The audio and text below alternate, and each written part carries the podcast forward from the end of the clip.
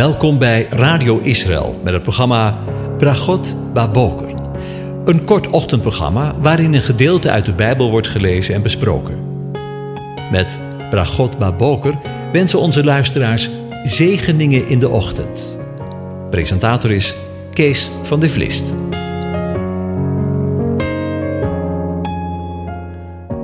Goedemorgen, Bokatov, beste luisteraars. Vanmorgen denken we weer verder na over Psalm 105 en ik lees de versen 16 tot en met 22 aan je voor. Hij, dat is de Heere, dat is JHWH, riep een hongersnood over het land af. Hij liet het volledig aan brood ontbreken. Hij zond een man voor hen uit, Jozef. Hij werd als slaaf verkocht. Men drukte zijn voeten vast in de boeien. Hij zelf kwam in de ijzers. Tot de tijd van zijn woord uitkwam, heeft de belofte van de Heere hem gelouterd. De koning stuurde bode en liet hem vrij. De heerser van de volken liet hem los. Hij stelde hem aan tot heer over zijn huis, tot heerser over al zijn bezit, om zijn vorsten zijn wil op te leggen en zijn oudsten wijsheid te leren. Tot zover. Over honger en brood gesproken. We lezen in vers 20: De koning stuurde bode en liet hem vrij.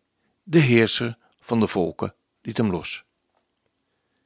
We weten dat Gods werk in de koning was en dat God in feite de heerser van de volken is. En niet de farao. God heeft de farao een droom laten dromen die niemand van al de wijzen van de koning kon uitleggen. Alleen Jozef kon dat door het inzicht dat God hem had gegeven. Daarom heeft de koning Jozef bij zich geroepen, zoals we in Genesis 41 kunnen lezen. Na de uitleg daarvan en het advies dat Jozef ongevraagd gaf, stelde de farao die in het boek Genesis in zijn positie als heerser over de wereld een beeld van God is, Jozef aan tot heer over zijn huis, tot heerser over al zijn bezit. Zo lezen we in vers 21 van Psalm 105. Jozef werd na de farao de machtigste man van het land. Hij kreeg gezag om aan de vorsten van farao zijn wil op te leggen, lazen we, en de oudste van farao wijsheid te leren, zo lazen we in vers 22 van Psalm 105. In Jozef zien we de zeldzame combinatie van macht en wijsheid. Dit zien we in volmaaktheid alleen bij de Heer Jezus, Yeshua, van wie Jozef een geweldig prachtig beeld is in Gods handelen met Jozef om zijn belofte te vervullen, ligt een bemoedigende les voor u en voor mij. We mogen erop vertrouwen dat God al onze moeite kent en dat Hij van tevoren al een oplossing daarvoor heeft klaargemaakt. Geweldig toch? Zo was het in het leven van Jozef in ieder geval wel, maar ook in uw en mijn leven. Hij overziet alles en bestuurt alles tot het welzijn van de zijne. De manier waarop hij dat doet, kunnen we vaak pas achteraf zien. Op het moment zelf vragen we ons af hoe het ooit goed moet komen. Heeft u dat ook niet? We zien het ook bij Jozef. Wie zou kunnen bedenken dat God Jozef op deze manier naar Egypte zond om hem daar in de tijd van nood voor zijn vader en zijn broers tot zegen te zijn? Die zegen is voor Jacob en zijn zonen in de eerste plaats geestelijk. Ze worden in hun relatie met Jozef hersteld. De zegen is ook stoffelijk. Ze krijgen voedsel en mogen zelfs in Egypte bij Jozef komen wonen. De diepere betekenis van dit gedeelte over Jozef is dat hij het type is van de Heer Jezus, Yeshua, die als de Verlosser een weg van verwerping en lijden moest ondergaan voordat hij werkelijk de Verlosser kon zijn. De Heer Jezus heeft het zelf zo uitgedrukt. Moest de Christus, moest de Messias dit niet lijden en zo in zijn heerlijkheid binnengaan? We lezen dat in Lucas 24, vers 26. De genade van God komt in deze psalm tot uitdrukking, doordat God zelf zijn zoon naar de wereld gezonden heeft om u en mij te redden. Als dat geen zegen is.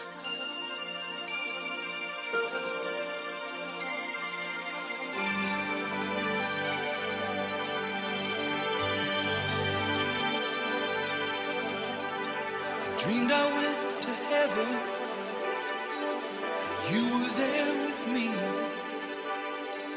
We walked upon the streets of gold beside the crystal sea. We heard the angels singing, and someone called your name. We turned and saw this young man, and he was smiling as he came. And he said, Friend, you may not know me now. And then he said, But wait. You used to teach my Sunday school. And I was only eight. And every week you would say a prayer before the class would start. And one day when you said that prayer, I asked Jesus in my heart.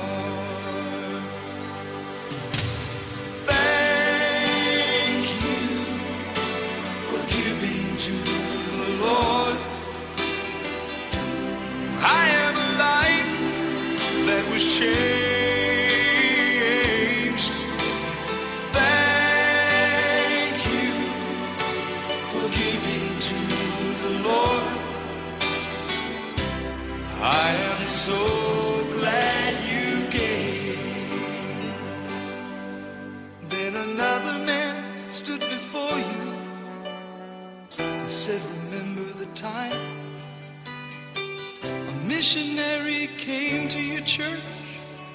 His pictures made you cry. You didn't have much money, but you gave it anyway. Jesus took the gift you gave, and that's why I'm here today.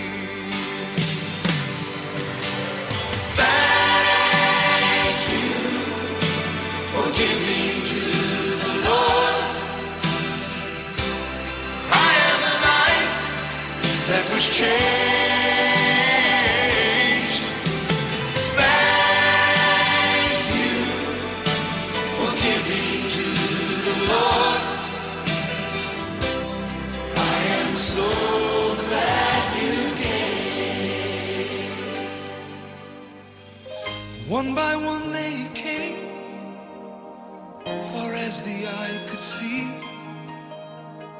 Each life somehow touched by your generosity. Little things that you had done sacrifices made.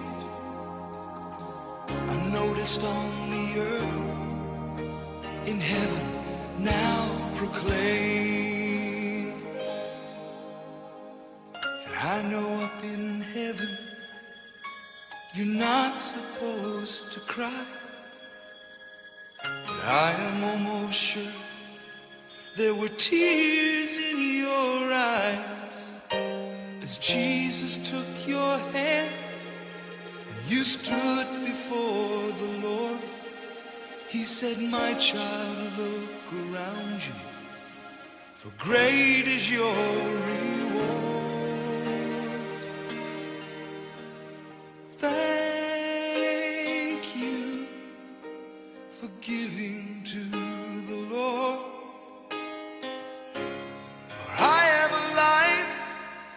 That was changed.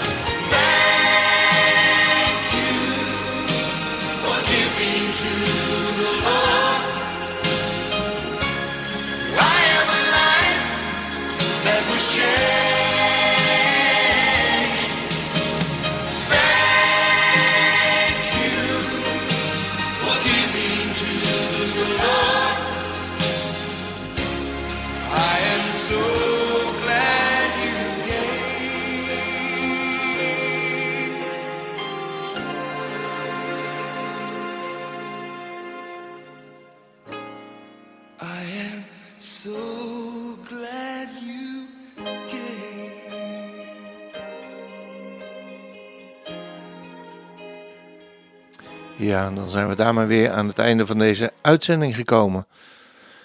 En eh, wens ik u God zegen toe. De Heer zegene en hij behoedt u. De Heer doet zijn aangezicht over u lichten. En hij is je genadig. De Heer verheft zijn aangezicht over je. En hij geeft je zijn vrede, zijn shalom, ook vandaag. Amen.